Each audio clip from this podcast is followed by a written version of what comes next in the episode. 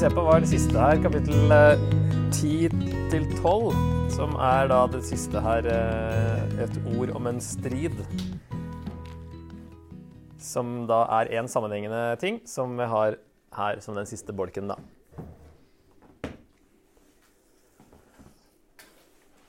Og vi kan dele inn det også i tre. Kapittel 10 er egentlig bare en innledning til selve ordet om striden. Og så er det kapittel 11 og litt inn i 12, som er liksom denne kampen og krigen som han hører om. Og så er det en avslutning på hele boka, egentlig, da. I slutten fra 12.5 og ut. Men det er fortsatt eh, disse herre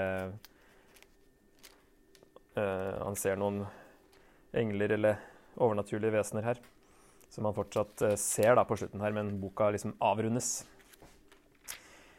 Og da er det 536. Perserkongen Kyros tredje år.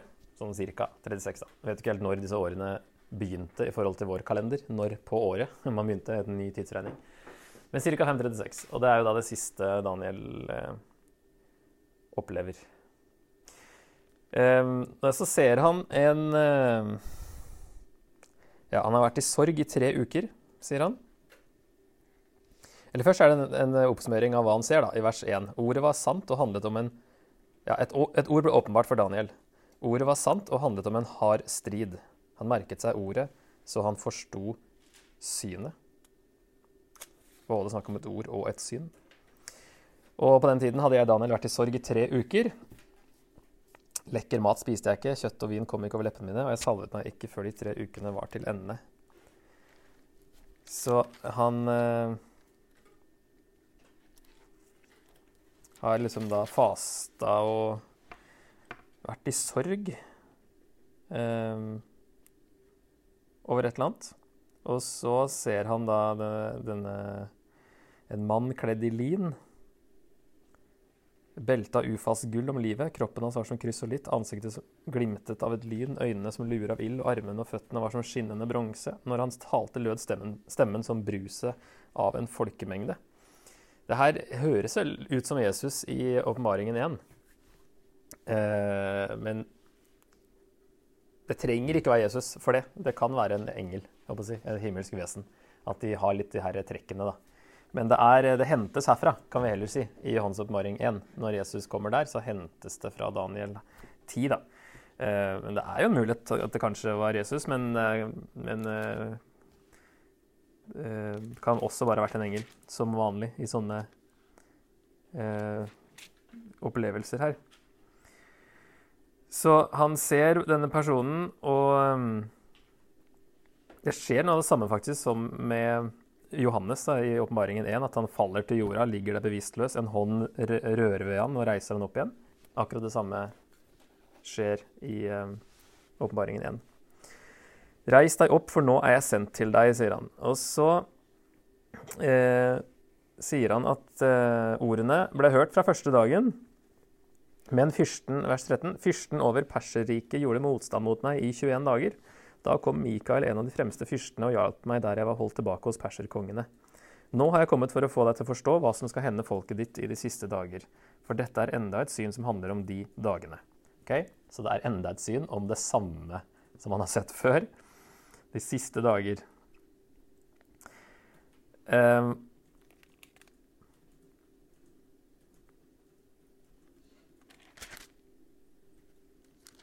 Jeg vet ikke om uh, dere er interessert i sånne ting, men jeg har altså henta inn noen gamle slides fra før, da jeg var interessert i alle detaljer. og tenkte at alle som uh, holdt på med Daniel, ville ha alle disse detaljene. Det har jeg gått litt bort fra. Men vi kan ta uh, litt For er litt interessant, det her med den her fyrsten over Perserriket. Hvem er det? Fordi her er på en måte en åndelig tolkning og en juridisk tolkning. da. Den åndelige tolkningen er at det er demonen over Persia som da slåss mot Mikael. Eh, som hindra Guds ord fra å komme til Daniel i 21 dager. Og at Mikael da kom for å slåss mot denne demonen her. Eh, konteksten ser ut til å antyde engler og demoner, da, siden Mikael også kalles fyrste. Begge de to er fyrster. eller prinser, som det står på engelsk. Eh, og at det er da et eh, bilde på en åndelig parallell til jordiske konflikter. At det skjer liksom noe i åndeverdenen eh, når man ber, da. Det er jo ofte et Man går hit for belegg for det, håper jeg, blant annet.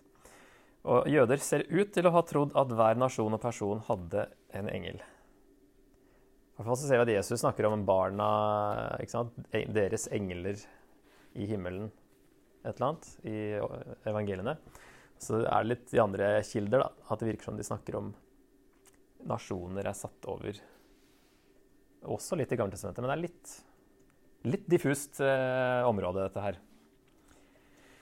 Eh, selv om det her eh, skulle vise seg å være riktig, så er det da Husk på at Bibelen fokuserer på Guds allmakt. Og spesielt i denne boka her også, reiser han opp og styrter ned konger uten at demoner nevnes. Det er liksom bare denne her prinsen her, jeg si, fyrsten som nevnes her.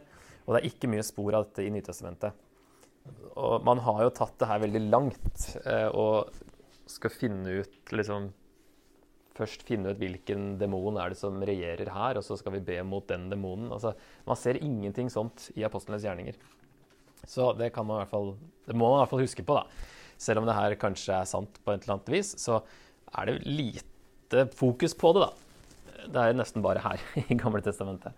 At Gud gjør som han vil, uten at eh, det nevnes noen sånne kriger. Så er vi jo inne i en litt sånn spesiell del av Bibelen nå. Spesiell litteratur. Eh, så det er den ene tolkningen her, at det er da et eh, overnaturlig vesen som gjør at svaret ikke kommer før etter tre uker. Eh, den andre tolkningen er veldig jordisk. At denne fyrsten over Perserriket er da den jordiske fyrsten, dvs. Si prinsen av Persia, som var Kambyses den andre. Som var da prins på dette tidspunktet, men ble konge da seks år senere. 530. Eh, Calvin var vel en av de første som kanskje eh, tolka det sånn, i hvert fall av kilder vi har. Um, og hvorfor måtte Michael slåss mot uh, si, eller stå og påvirke han her, uh, kongen her lenge? I tre uker. Da uh, er det det som står i Esra 4, dette med tempelarbeidet som ble hindra fra nettopp dette året, 536, til 520. Det kommer jo til i Haggai og Zakaria at uh, arbeidet stopper opp. Etter de har lagt grunnmuren da, i 536, så er det uh, stopp i opptil 16 år. Josefus sier at arbeidet stoppa helt opp under Kambyses den andre fra ca. 530. da. For han her var liksom aller verst på å stoppe det. Uh, så I hvert fall 530. Men det ble hindra allerede fra 536. Og så er det snakk om noen rådgivere i Estra 4 vers 5 som eh, går til kongen i Persia og får han til å stoppe arbeidet. Det kunne være folk som ble leid inn for å gå til det persiske hoffet og stoppe prosjektet. Og det snakker Josefus om skjedde i 530. Kanskje det også skjedde før. Og så er det dette med at Kyros, ifølge Calvin og en gammel studiebibel fra 1599 Geneva Study Bible så uh, står det der at Kyros dro til Lille-Asia, eller kriga i øst, fra 537. Så han er borte da, på det tidspunktet her, og da er jo Kambyses den andre som er igjen og styrer, selv om han er prins. Technically så er han liksom konge der, men at han vil være den som da i så fall Det er litt spekulasjon her, men at han da sto, øh, hadde stoppa byggingen. Eh, og Da er det i så fall at engelen prøver å få ham til å gjøre det Gud vil. Og boka handler om hvordan Gud griper inn overfor konger og riker, så det gir jo mening ut fra hva som skjer ellers i boka her. Det som er innvending, er at Mikael også kalles en fyrste, og han er en engel. Så vi får liksom inntrykk av at uh, denne perserfyrsten og Mikael er av samme natur, siden begge er fyrster. Men da blir i så fall da en jordisk fyrste og en uh, himmelsk fyrste, da. Ok. Trenger ikke å si så mye mer om det. Det var egentlig bare noe jeg la inn for uh, ekstrastoff. Men ja, så selve poenget er kapittel 11 da, og litt ut i 12. Altså Kapittel 11 er veldig interessant, veldig detaljert, men her kan du få masse hjelp fra studiebibel og kommentarer til å forstå hva som skjer. Så vi skal bare ta lite grann. Hovedpoenget i de her kapitlene er at det greske riket går under, som betyr at Guds rike kommer. Prøv å holde det fokus på det som skjer her.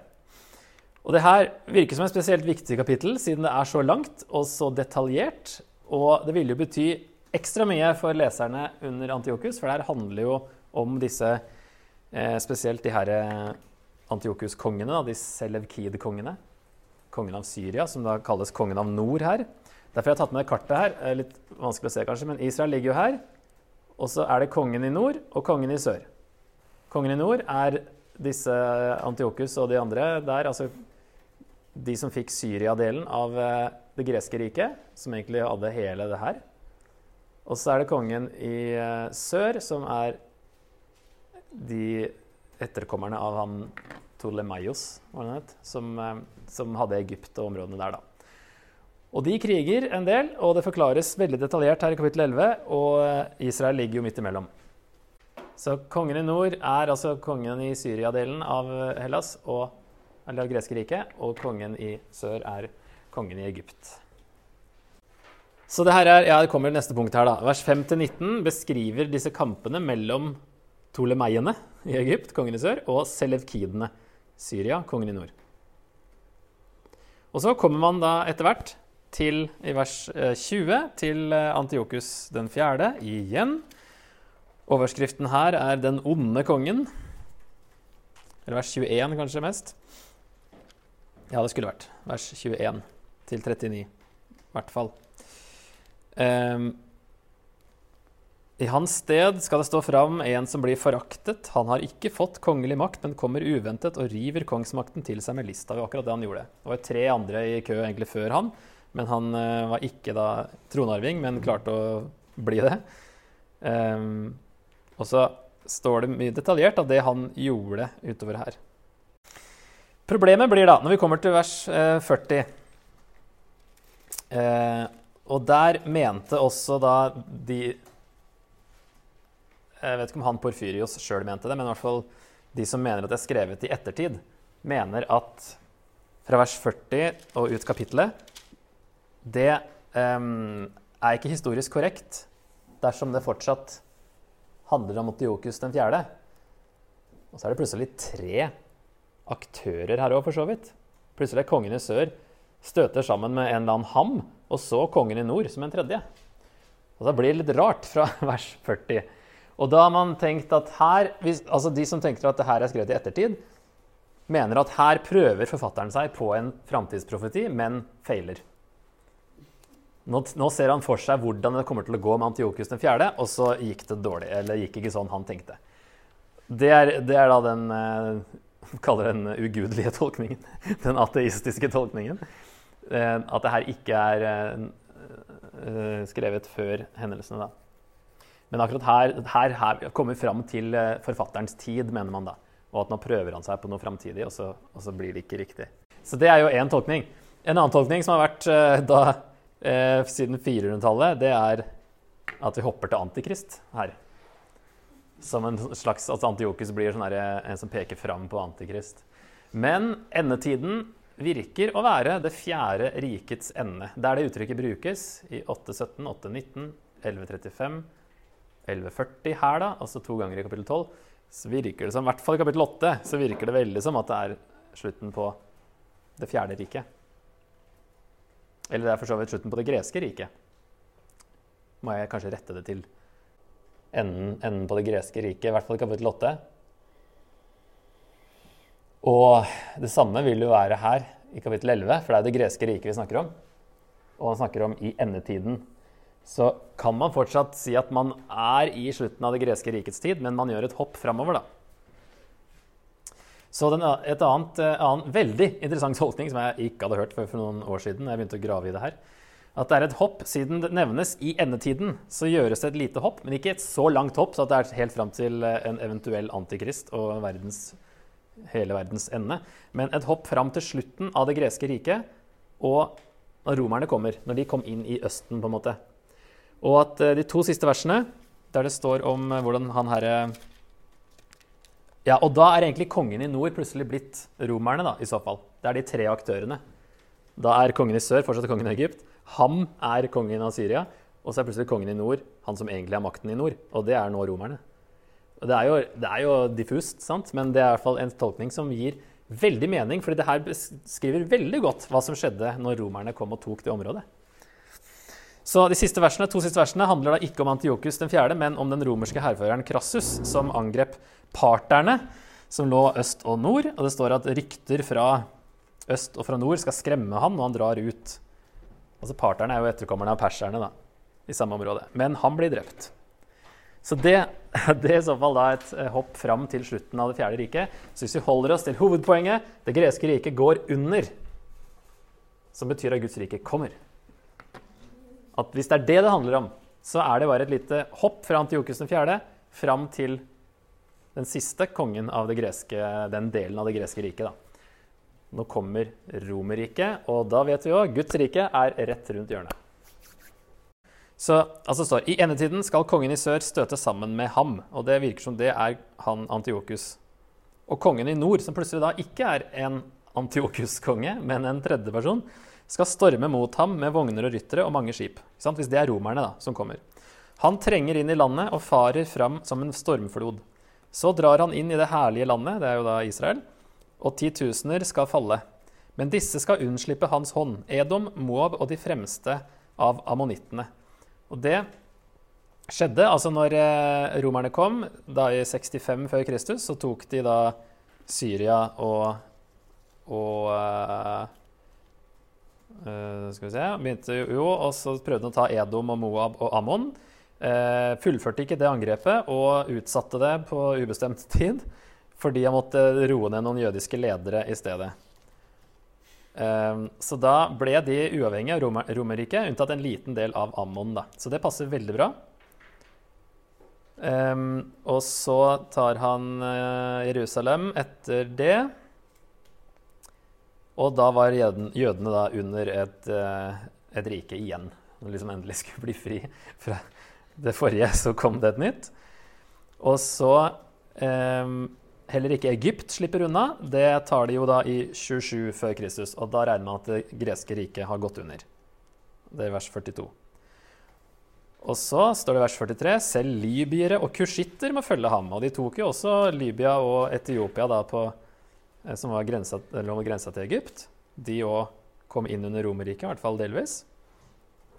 Og så to siste versene. Da skal rykter fra øst og fra nord, altså det er Partia, altså gamle Persia, skremme ham, og han drar ut med stor vrede for å slå mange med bann og utrydde dem. Han slår opp sitt kongelige telt mellom havet og det herlige, hellige fjellet, men han går mot sin undergang, og ingen hjelper ham. Han Krassus han robba faktisk tempelet i Jerusalem før han angrep parterne, og så døde han i den kampen. da. Så det passer veldig godt plutselig på romerne. Og når Daniel ser det her, så ser jo han bare sånn generelt kongen i nord, kongen i sør. Han ser jo ikke ansikter eller uniformer, kanskje. Han ser bare krig mellom nord og sør og nord og sør, og plutselig så kommer det en ny konge fra nord som, eh, som støter sammen med han herre Ham og kongen i sør. Så i hvert fall, veldig interessant at det passer godt på romerne plutselig. Og at det lille hintet vi får, er at i endetiden at det gjøres lite, en liten tvist da, i vers 40. Ok, Og det som da skjer i kapittel 12, er at vi får Guds rike. Og det er jo litt sånn, Kapittelinndelinga er kanskje litt forstyrrende, fordi det begynner jo med 'på den tiden'. Så hvis kapittel 11 endte med det greske rikets undergang, vil 'på den tiden' i 12.1 referere til når Guds rike endelig opprettes i denne boka. Vi har sett liksom fram hele veien nå til etter det fjerde riket. Etter eh, ja, det greske riket her, da, i kapittel 11 så da kommer Guds rike. Så det, her tror jeg ikke det er noe hopp når det står 'på den tiden', og Daniel ikke hadde delt inn i kapitler. Og det her, kapittel 10, 11 og 12, er jo egentlig én visjon. Så henger det veldig sammen med det forrige. På den tiden skal Mikael stå fram, den store fyrsten som står ved dine landsmenns side. Det skal komme en trengselstid som det ikke har vært maken til fra folkeslag oppsto og helt til den tiden men på den tiden skal ditt, ditt, folk bli berget, alle som er skrevet opp i boken. All, eh, mange av dem som sover i jorden, skal våkne, noen til evig liv, andre til spott og evig avsky. De kloke skal skinne som den strålende himmelhvelvingen, og de som har ført de mange til rettferd, skal skinne som stjernene til evig tid. Men du, Daniel, skal holde ordene skjult og forsegle boken inntil endetiden. Mange skal streife omkring, og kunnskapen skal øke. Jeg skulle jo sitte litt lenger oppe i natt, tror jeg, for å ha fått helt eh, kontroll på det her òg. Men en trengselstid nevnes. Eh, det kan være den jødiske krigen før år 70, ettersom Jesus i Markus 13, 19 f.eks. sier at eh, det skal komme en trengselstid som det ikke har vært maken til før. Og det er jo akkurat det samme som står her. Skal vi se hva han sier. Markus 13, 19.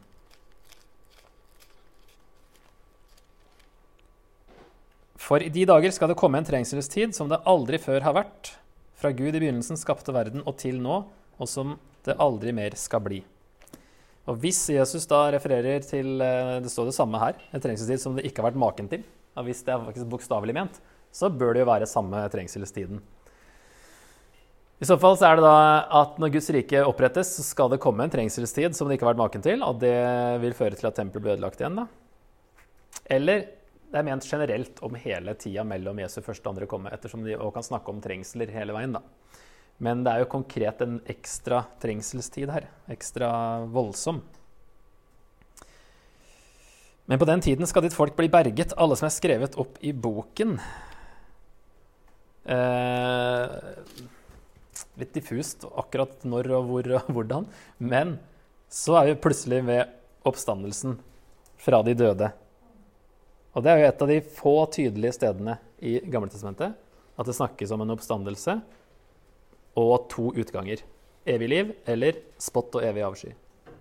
Så da er det altså Alle som er skrevet opp i boka, skal bli berget. Og på den tiden virker som det refererer til den derre trengselstiden, da.